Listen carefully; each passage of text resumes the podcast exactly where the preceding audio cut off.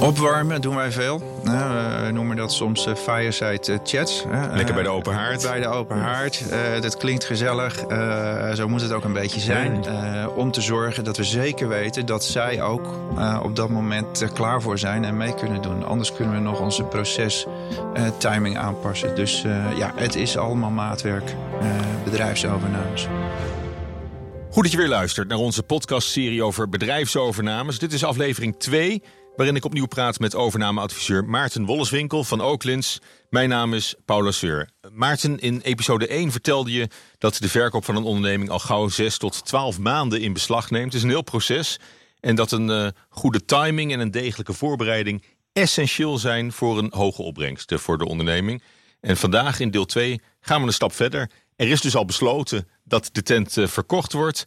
En uh, hoe zorg je vervolgens dat het hele proces van een half tot een heel jaar... dat het ook glad verloopt en dat, het, uh, ja, dat je zelf de regie houdt... over de verkoop van jouw bedrijf. Nou, het beste is denk ik om een regisseur in te schakelen... die op enige afstand uh, daarnaar kijkt. En dat ben jij dan. Ja, dat klopt. Wij zijn procesregisseurs van bedrijfsovernames. ik zeg wel eens gekscherend dat ons vak bestaat uit masseren. Dus je bent de hele dag bezig om kopers uh, begrip bij te brengen voor verkopers en omgekeerd. Hè, om te zorgen dat je samen uh, de finish haalt. Want er zijn natuurlijk in uh, 6 tot 12 maanden heel veel momenten waarop een transactie ja, kan afketsen of er iets fout kan gaan een bedrijf is nooit perfect. Hè? Dus je hebt altijd uh, hobbels die je samen moet oplossen. Ja, en, en jullie ervaring hè, met, met, met, met, honderden deals over, over de loop van, uh, van, van de jaren. Hè, dat heeft allemaal uh, bepaalde, bepaalde fasen doorlopen dan. Zo'n zo, zo'n onderhandelingsproces. De verkoop van een bedrijf. Dat, dat moet je ook heel erg structureren om, om te voorkomen dat je, dat je de regie kwijtraakt. Ja, ja dat, is, dat kan ik niet vaak genoeg herhalen als je een goede uitkomst wil en een hoge opbrengst, dan moet je heel gestructureerd uh, met zo'n verkoopproces bezig zijn. Uh, wij zeggen altijd, er zijn eigenlijk drie fases uh, in zo'n proces. dat is een interne fase, daarin doe je alle voorbereidingen.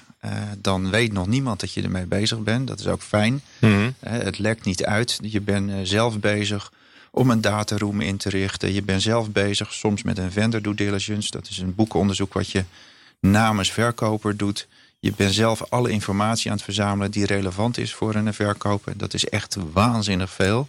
Eigenlijk kun je zeggen, eh, als je het vergelijkt met een tweedehands auto of zo, je, gaat alle gegevens verzamelen om een, om een goede advertentietekst te kunnen formuleren. Ja, dat is, uh, dat is het precies. Je gaat uh, niet alleen de kilometerstand noteren, maar ook de dikte van het profiel wat er nog op de banden zit, hoeveel de tank nog zit. nou ja, en alles. Misschien wat schadehistorie. Ja, en hoe dat gerepareerd is. Uh, dus dat soort zaken. Nou, dan heb je naast die interne fase heb je nog een, uh, een externe fase. Dat is eigenlijk het moment waarop je naar buiten gaat. Dan ga je echt actief op zoek naar kopers. Ga je actief op zoek naar kopers. Uh, wereldwijd benader je mogelijke kopers met een, een teaser. Dat is een one or two pager. sorry mm. voor alle. ja. Engels uh, gebruiken in ons vak. Maar ja, het is Engelstalig mm als je met buitenlandse kopers werkt. Dus die externe fase, dan ga je naar buiten met een, uh, met een teaser, met een geheimhoudersovereenkomst. En als partijen dan interesse hebben om een bidboek te ontvangen, dan tekenen ze die geheimhoudersovereenkomst. En dan komen ze in een heel verder proces terecht. Ja. En dat is eigenlijk wat je zou eh, kunnen zeggen de onderhandelingsfase. Dat is... Maar strikt genomen eh, zijn die al begonnen natuurlijk. Ja, de onderhandelingen lopen al. Ja, maar dan uh, mogen ze een indicatieve bieding doen bijvoorbeeld. Hè? En vaak zijn dat uh, meerdere partijen die dat dan doen op een bepaald moment. Die indicatieve biedingen die vergelijk je met elkaar en dan besluit je welke van die partijen door mogen naar een volgende ronde. En dat is over het algemeen een managementpresentatie. Dus dan zorgen we mhm. dat de ondernemer en zijn team het bedrijf, maar vooral hun toekomstplannen uh, kunnen presenteren. En dat de koper, de potentiële koper, dat die vragen kan stellen over het bidboek, over mogelijke synergie. Nou, dat soort zaken meer. En dat zijn wel sessies van een hele middag. Dus, dus daar zit je over het algemeen niet een uurtje bij elkaar. Dan, uh, Dus dat is, dat is misschien wel de meest intensieve fase nog. ja, die is heel intensief. Contacten met, met mogelijke kopers. Ja, en dan zal je ook zien, hè, kopers, mogelijke kopers zijn dan ook heel complimenteus. Die proberen nog niet te kritisch te zijn. Want mhm. ja, je bent in principe met meerdere partijen op dat moment aan tafel. En uh, ja, dan wil je natuurlijk ook uh, zorgen dat uh, de verkoper jou een geschikte en een aardige partij vindt. Ja. En dan is er eigenlijk nog een vierde fase als je besluit dat je exclusief verder gaat onderhandelen met een van die kopers. Ja, dat is vaak laat je dan nog een tweede bieding doen. Op basis van bijvoorbeeld dat managementpresentatie. en ja, dan afhankelijk van het type koper zullen heel veel kopers zeggen van ja, we vinden het allemaal wel mooi geweest. We hebben nu ons beste beentje voorgezet. Maar als wij uh, op deze voorwaarden niet exclusief uiteindelijk ook een uh, confirmatory due diligence kunnen doen. Dus een boekenonderzoek om te bevestigen hè, wat wij uh, als aannames hebben gebruikt. Dan gaan wij daar niet tonnen aan adviseurskosten aan spenderen. Dus wij willen via een letter of intent of een heads of agreement... willen wij ja, een deal op hoofdlijnen met jullie sluiten. Ja, even, even terug naar die, uh, naar die eerste fase, hè? Die, die interne fase van een bedrijf. Eh, daar begint een gestructureerd verkoopproces mee. Um, dus je komt dan uh, tot, een, tot een bidboek, hè? een informatiememorandum. Daarin ja. staat. Wat staat er allemaal in over dat bedrijf? In hoeverre wordt de doopstil gelicht van, van zo'n onderneming? Ja, een bidboek is eigenlijk, uh, zou ik maar zeggen, een business, businessplan plus. Een, eh, een koper koopt uh, niet het verleden, maar de toekomst. Hè? Dus het heeft beide kanten. Het heeft enerzijds een, een beschrijving van uh, hoe de onderneming ja, is gegroeid over de laatste jaren. Wat de juridische structuur is. wat bijvoorbeeld de cv's zijn van het belangrijkste management. Uh, al dat soort dingen, wat de locaties zijn. Uh, nou ja, uh, octrooien misschien wel? Ja, patenten, alle belangrijkste IP, zoals wij dat noemen. Intellectual property, dat kan ook eigen software zijn. Dat kan van alles zijn. wij hebben veel veredelingsbedrijven verkocht. Dan zijn dat genetisch materiaal, mm. is dat van, van geraniums of van bloembollen of iets anders. dat zijn hele waardevolle dingen. En dan het tweede deel van zo'n bidboek, dat bestaat uit visie op de toekomst. Van hoe denken wij uh, de komende jaren met de basis die we hebben staan te gaan groeien. Nou, daar zit maar, maar dat is meteen een stuk subjectiever dan bijvoorbeeld uh, alle, alle, alle huurcontracten of het vastgoed ja. of ja. gewoon de financiële data van, van een onderneming. Ja, klopt. Dus het is zowel een overzicht van het verleden tot en met vandaag. Uh, als de verwachtingen naar de toekomst toe. En uiteraard is het zo dat als je toekomstverwachtingen geeft en uh, ja, uh, je zegt dat de winsten en de omzetten binnen twee jaar zullen verdubbelen, dat niemand dat gaat geloven. Het is een hockeystick, Maarten. Ja, precies. Hockeystick-projecties hebben we vaak gezien. Ja. En uh, ja, als ik ondernemers hier krijg die met een dergelijk uh, verhaal komen, hè, over twee jaar is het twee keer zoveel, dan zeg ik dan ben je twee jaar te vroeg met verkopen. Kom dan er maar eens terug. Precies, dan is het veel meer waard. Ja. En gebeurt dat feitelijk ook dan, of niet? Nou, uiteindelijk. Uh, Waarschijnlijk passen ze dan in projectie een beetje. Ja, uh, zullen partijen zich dan ook meer realiseren van een projectie hoort altijd ja, realistisch te zijn. Je moet hem kunnen onderbouwen vanaf hmm. de grond af, zeg ik altijd. Als het inderdaad al zo is dat er heel veel uh, orders aan zitten te komen. Dat het orderboek groeit als nooit tevoren. als je een mhm. productiebedrijf bent. Dan kan je best 30% groei voorspellen. Maar als je dat nergens anders aan ziet. ja, dan houdt het op. Dan zal een koper ook zeggen. Van, dan zal een koper zeggen: ja, ik wil best een multiple bieden op wat er nu staat. Mhm. Maar ik ga zeker niet in mijn waardering meenemen dat het 30, 40% groeit. Ja, en um, zijn er ook dingen die, uh, die je verzwijgt, die, die je liever er niet in ziet? Toch weer die tweedehands auto. Ja. Uh, we weten allemaal dat. Ja, soms is er zelfs aan de kilometerstand gedraaid. Ik weet niet eens of dat strafbaar is zelfs. Maar er zijn natuurlijk ook dingen die, die, je, liever niet, die je liever niet vertelt. Nee. En ieder eh, bedrijf heeft ook zijn uh, wat mindere kanten. Er zit altijd wat lijk in de kast. Er zitten altijd wel ergens een soort lijken of lijkjes in de kast. Uh, niets is perfect. En ehm, ja, dat is een enorme fout die sommige ondernemers wel eens maken. Dat ze denken, een koper ziet het toch niet. Nou, ik kan ze vaak uit de droom helpen. Zo werkt het niet. Het is wel heel verleidelijk, toch? Ja, maar anderzijds is het ook helemaal niet erg om niet perfect te zijn. de truc is juist dat je zorgt dat het, het feit dat je niet perfect bent, dat dat op tafel komt op het moment dat je nog niet exclusief met een één koper aan tafel zit. Dus ik zeg altijd in een bidboek is het de kunst om niet alleen de mooie dingen van het bedrijf te laten zien, maar het zoet en het zuur. Dus dat je ook laat zien, ja, er lopen ook nog twee claims hè, van een afnemer. Hè, dat heeft potentieel zoveel schade. Mm En dat hebben we zo en zo opgelost. We hebben die en die advocatenkantoor erop. We hebben, nou, enzovoort, enzovoort. Dus dan weet je dat de koper er niet meer op terug kan komen mhm. als die exclusief boekonderzoek heeft gedaan. En niet kan zeggen, hé, hey, maar ik heb 50 eh, miljoen geboden voor je bedrijf. Mhm. Maar ik zie nu twee claims. En dat kan potentieel 5 kosten. Ja. Uh, dus uh, het wordt 45. Ja. want dat hebben we dan al eerder in het proces laten zien. En dan heeft die koper wellicht gezegd, nou weet je, ik vind hoe ze die claims behandelen, vind ik professioneel. Ik denk ook hè, dat het niet zo'n vaart zal mhm. lopen. Uh, ik uh, denk dat ik daar misschien een miljoen of zo schade in mijn bod voor aftrek. Maar ik ga daar zeker geen 5 miljoen uh, voor aftrekken. Ga anders, van anders ga ik de deal niet krijgen. Nee.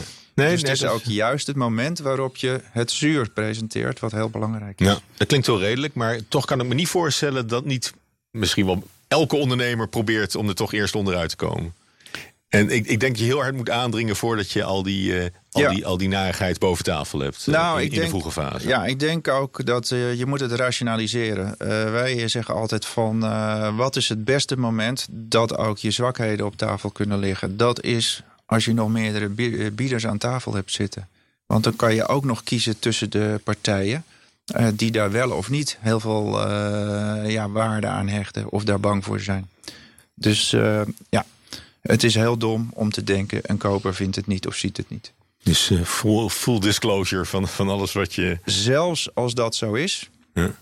dan zal je zien dat je op het eind van de rit alsnog een koopcontract straks tekent. Waarin je garanties moet mhm. geven dat er jou als verkoper geen feiten of omstandigheden bekend zijn.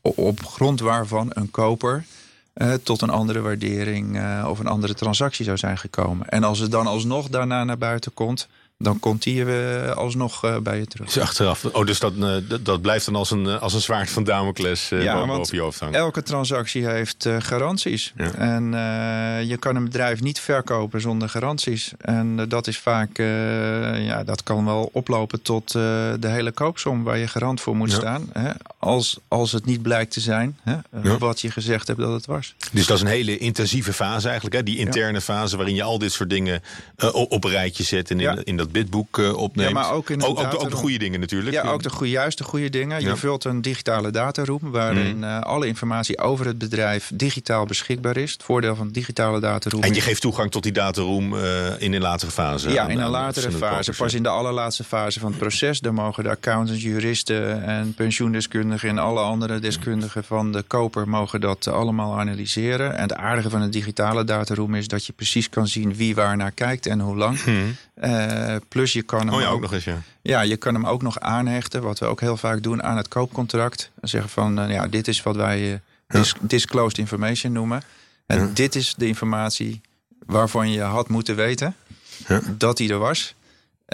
daar kan je niet op terugkomen als er later iets blijkt te zijn wat, wat je niet bevalt. Oké, dus dat werkt altijd twee kanten op. Het werkt uh, ook enorm in je voordeel als je dus uh, ja, full disclosure geeft uh, en partijen zoveel mogelijk informatie laat bestuderen. Ja. Oké. Goed, en dan, dan heb je al die, al die essentiële bedrijfsinformatie verzameld in die dataroom. En dan weet je dus hoe, hoe dat bidboek eruit ziet. Dan kun je actief kopers gaan, gaan benaderen. Ja. ja. Hoe doe je dat? Nou, dat, is, uh, dat, dat ligt er een beetje aan. Nog uh, niet dat bidboek rondsturen of een uitnodiging om nee, die dataroom nee. is uh, te bezoeken. initieel stuur je alleen een, ja, een one-pager of een, een, een, teaser met mm -hmm. één of twee pagina's om wat voor type bedrijf het gaat. Hè. En dan probeer je dat wel anoniem op te schrijven. Hè. Dus niet een, licht, een gloeilampenfabriek uit het zuiden van het land. Dat is makkelijk in te schatten.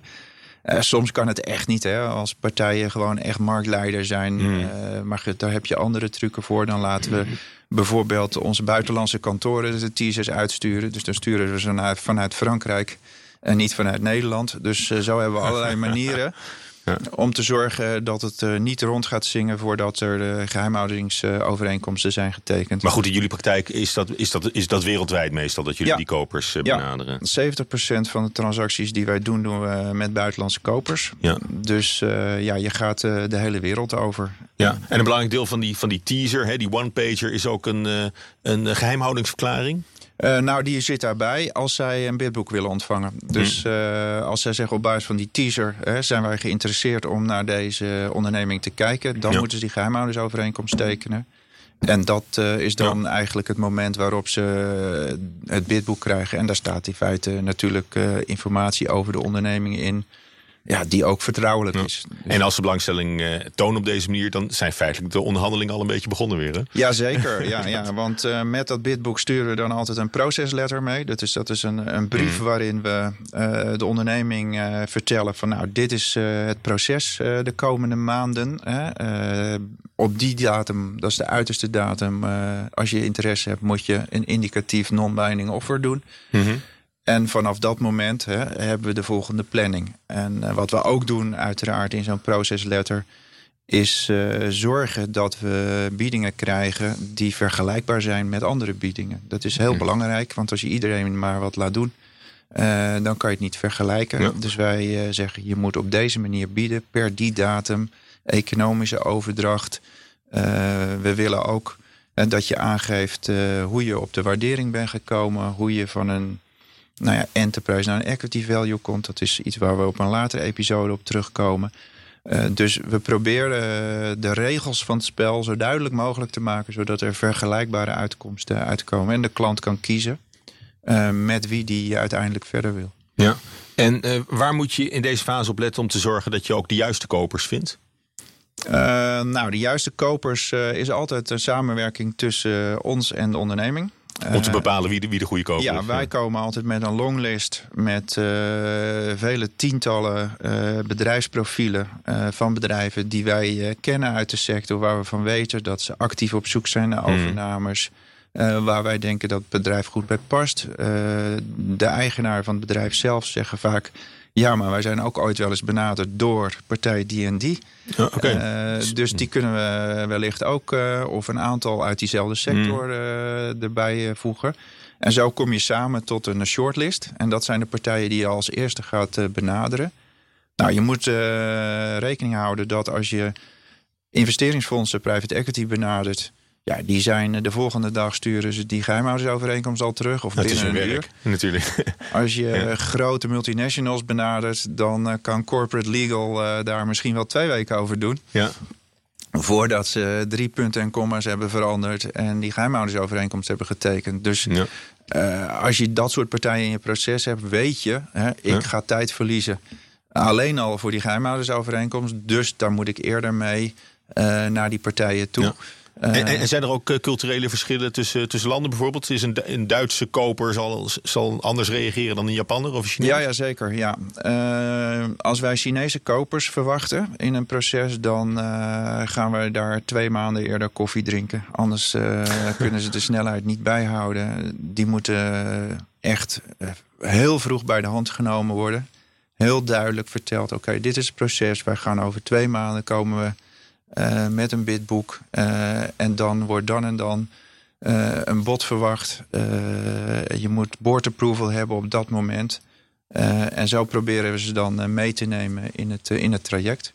En Japanners en Chinezen, ja, dat duurt gewoon echt heel veel langer. Dus onze klanten ja, zeggen maar, ook maar, vaak, die moeten ook echt ja. veel meer bieden, willen we uh, dat risico lopen. Maar dat doen ze ook wel, volgens ja. mij. Ja, dus ze, ze, wel, ze komen vaak wel met, met veel geld, uh, dus dat is een reden waarom ze toch mee mogen doen. Ja. Ja. Maar zijn, zijn er ook wel eens kopers die, uh, bedoel ik, die op zich wel een potentiële koper zouden kunnen zijn, maar die je niet benadert omdat je denkt van, nou, dat, dat, gaat, dat gaat niks worden? Ja, dat of, doe je in overleg met de klant. Hè. Dus uh, zeker strategische kopers. Hè. Als dat de grootste concurrent is waar ze jarenlang uh, tegen gevochten hebben mm. in de markt. Uh, dan zegt de klant ook vaak van ja, maar die mogen mijn bidboek niet hebben. Dat, Ik heb zo'n hekel aan ze gekregen door de jaren heen. Dat gaat hem niet worden. Dus, uh, Terwijl dat misschien juist wel de, de, de gedroomde kandidaat is om het. Uh, ja, er zou heel veel synergie in kunnen zitten. Hè. Dus uh, als de belangstelling wat minder is, dan kan het beste zijn dat we de klant kunnen overtuigen om alsnog die concurrent aan tafel. Dat is eigenlijk een hele emotionele blokkade, is dat dan? Ja, maar het kan ook gevaarlijk zijn. Hè? Uh, partijen die uh, heel diep bij je in de keuken kijken en dan uiteindelijk zeggen: van, we doen het niet. Hè? Dat noemen wij de window shoppers. Mm Je hebt best veel uh, partijen altijd die dat, die geheimhoudersovereenkomst tekenen. Om alleen maar het bidboek goed te kunnen bekijken. Mm En iets te leren hè? over het bedrijf. Over, over de markt. en ja, over de markt. Ja. Dus dat kan je niet voorkomen. Uh, daarom schrijf je daar niet de grootste bedrijfsgeheimen in. Hè. Dat heb je altijd in een volgende fase. Maar dat, die heb je er altijd bij zitten. Ja. Maar goed, het, aan de ene kant is het een heel, heel individueel geval. En is, is, is geen, geen bedrijf hetzelfde. En ook Nee. geen overnameproces hetzelfde. Aan de andere kant heb je wel hele duidelijke uh, piketpalen. Heb je een heel, heel duidelijke procedure. Om de dingen toch zo, zo eenvormig mogelijk uh, Ja. te, te maken. Ja, ja. Dus ik, ik neem aan dat je wel altijd onge- ongeveer dezelfde stappen wil, wil doorlopen. Ja, natuurlijk qua stappen, processtappen doe je wel eh, eigenlijk altijd hetzelfde. Hè? Eh, je hebt eh, een aantal eh, type processen waarin je feitelijk met eh, dezelfde eh, tools dezelfde dingen doet. Om je een idee te geven. Hè? Je hebt eigenlijk vier soorten varianten die we heel veel Mhm. tegenkomen. Het eerste is gewoon er koopt, er klopt iemand aan op de deur met een knockout bot. Wat super gaaf is en die wil meteen schakelen. Hè? Wat doe je dan? Dan ga je meteen die exclusieve fase in. Eigenlijk wel, ja. En de tweede variant is eigenlijk dat je hè, met zo'n bidboek hè, meerdere kopers benadert, maar dan exclusiviteit geeft aan degene met het beste indicatieve bod. Hè. Dan ga je exclusief in fase 2. De derde variant is eh, feitelijk dat je een veiling organiseert. Mhm. Dus dat je een bedrijf, eh, daar laat je meerdere kopers op bieden in eh, drie rondes. En eh, niemand weet eh, tot een weekend van tevoren of dat hij wel of niet de deal gekregen heeft. En de laatste variant die we ook wel eens doen, dat noemen wij de pre-cooked deal. Dat is eigenlijk een variant op die veiling, wat ook wel controlled auction wordt genoemd. Uh, in die pre-cooked deal uh, bepaal je eigenlijk alle regels vooraf. Dan zeggen wij, wij hebben een bedrijf, daar zoeken we een financiële investeerder voor. Die mag 51% kopen. De familie komt met 40% terug. Het management gaat bijvoorbeeld 9% kopen. Op die voorwaarden, er mag zoveel bankfinanciering in, in de deal en niet te veel. We doen er bijvoorbeeld een vendorloon in om toch nog de prijs omhoog te krijgen. En uh, dit zijn de randvoorwaarden die we uh, aan de governance, hè, dus uh, raad van commissarissen mm-hmm. enzovoorts gekoppeld hebben. Uh, vind je het interessant of niet? Want dit is het businessplan waar het bedrijf uh, voor gaat de komende jaren. Doe je mee. En, uh, ja. Komt kom dat veel voor? Want het lijkt mij een ideale situatie om ja, op die dus, te kunnen aanbieden. Ja, dat is de ideale setting. Dat komt, wij doen, nou ik denk twee, drie keer per jaar van de ongeveer 30 deals of soms iets meer, uh, kunnen wij een, een pre-cook deal doen. Dat we zeggen dat bedrijf is waanzinnig mooi. Uh, we weten zeker, omdat die financiële partijen wil uh, hebben als aandeelhouder, daar zijn er voldoende van, dat er meer als voldoende het echt interessant zullen vinden. dus wij kunnen de regels van het spel bepalen. En dan zeggen we gewoon, ja, zo willen we het hebben. Ja. En dan mag je meedoen. En wat, is, wat is uiteindelijk de meest gevolgde procedure? Uh, meest gevolgde procedure is dat je meerdere partijen laat bieden op een informatiememorandum uh, of bidboek. Mhm. En dan exclusief met de beste hè, van die ronde doorgaat. Uh, nadat je een, een letter of intent overeen bent gekomen over een heads of agreement. Dat is in onze markt hè, van transacties tussen de 25 en 500 miljoen is dat. nou, ik denk 60, 70 procent van alle transacties loopt zo af. Dus en dat is uh, ook iets wat we in uh, episode 4 uh, uitgebreid zullen behandelen. Is hè, als je dan die exclusiviteit geeft en die letter of intent of die heads of agreement tekent.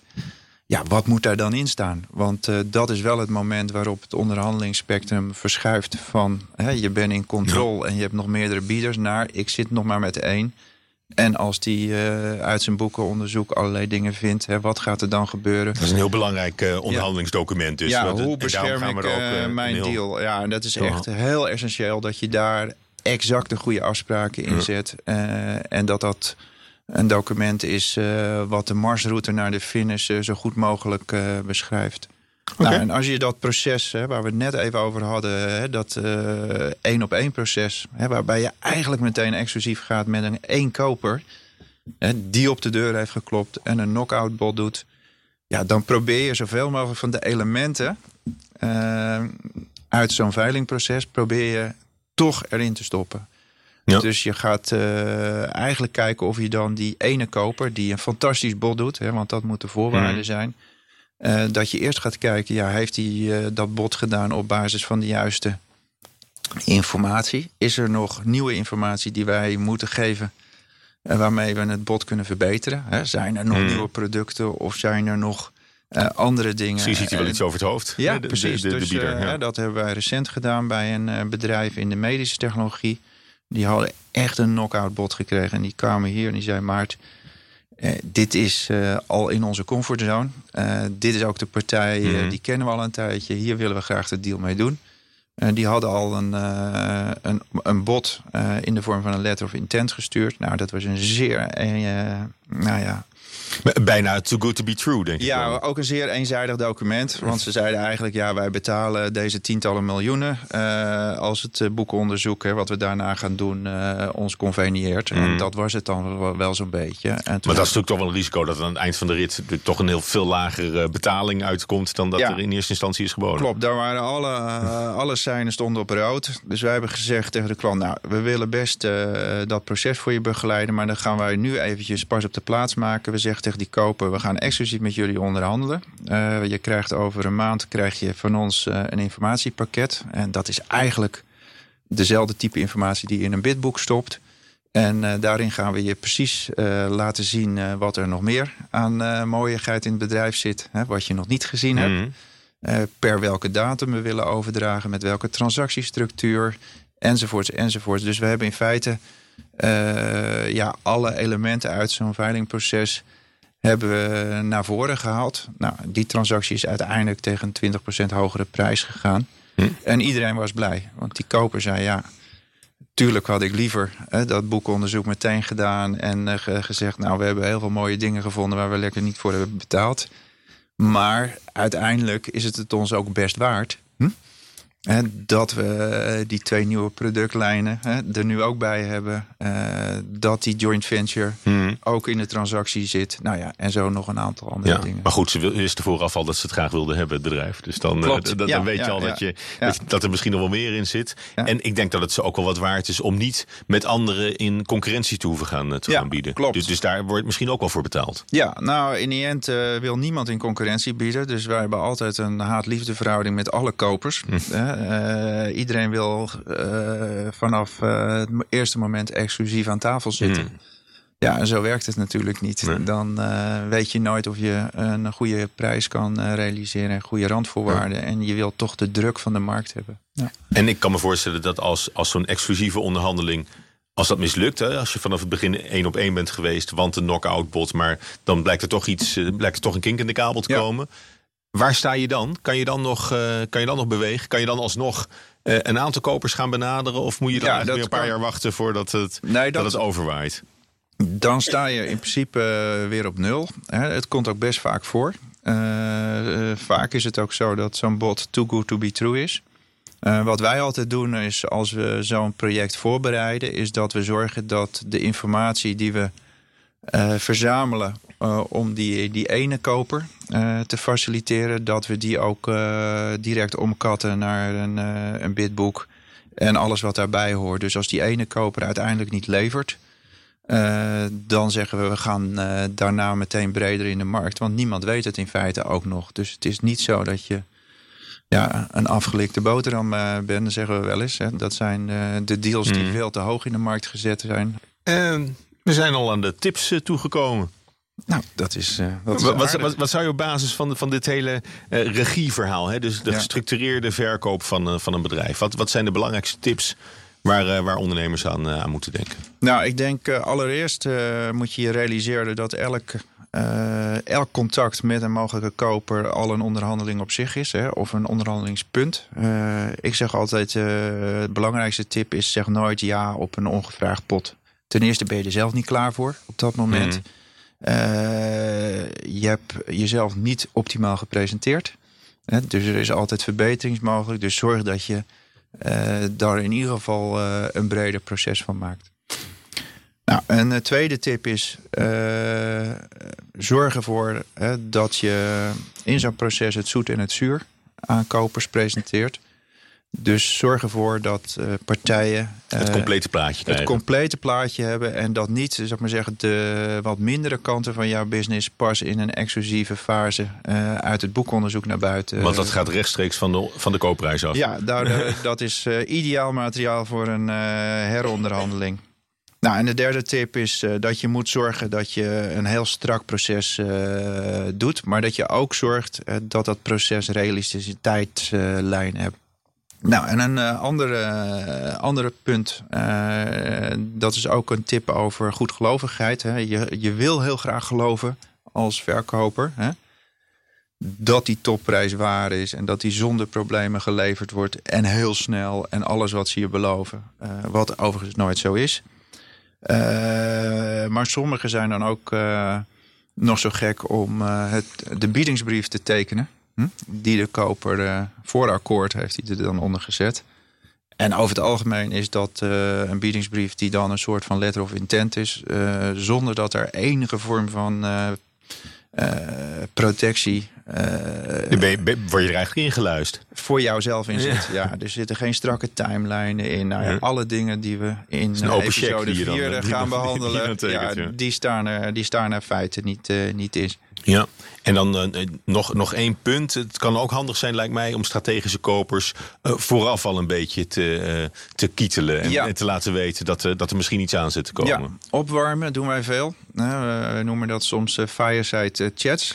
Lekker bij de Eh, open haard. Bij de open haard. Eh, dat klinkt gezellig. Eh, zo moet het ook een beetje zijn. Een gentleman's club. Eh, we gaan eh, de belangrijkste kopers van een traject eh, dan benaderen. En dan zeggen we, ja, over twee maanden komen wij met dit bedrijf. En jullie zijn naar ons gevoel de meest ideale koper. Of een van de meest ideale kopers. We gaan wel meerdere partijen benaderen. Maar jullie hebben, nou ja, een streepje voor. Eh, zouden jullie mee willen doen met het proces? Eh, hier is al wat informatie. En dat is vaak iets meer dan een teaser. Mhm. Eh, om te zorgen dat we zeker weten dat zij ook op dat moment er klaar voor zijn en mee kunnen doen. Anders kunnen we nog onze proces eh, timing aanpassen. Dus eh, ja, het is allemaal maatwerk, eh, bedrijfsovernames.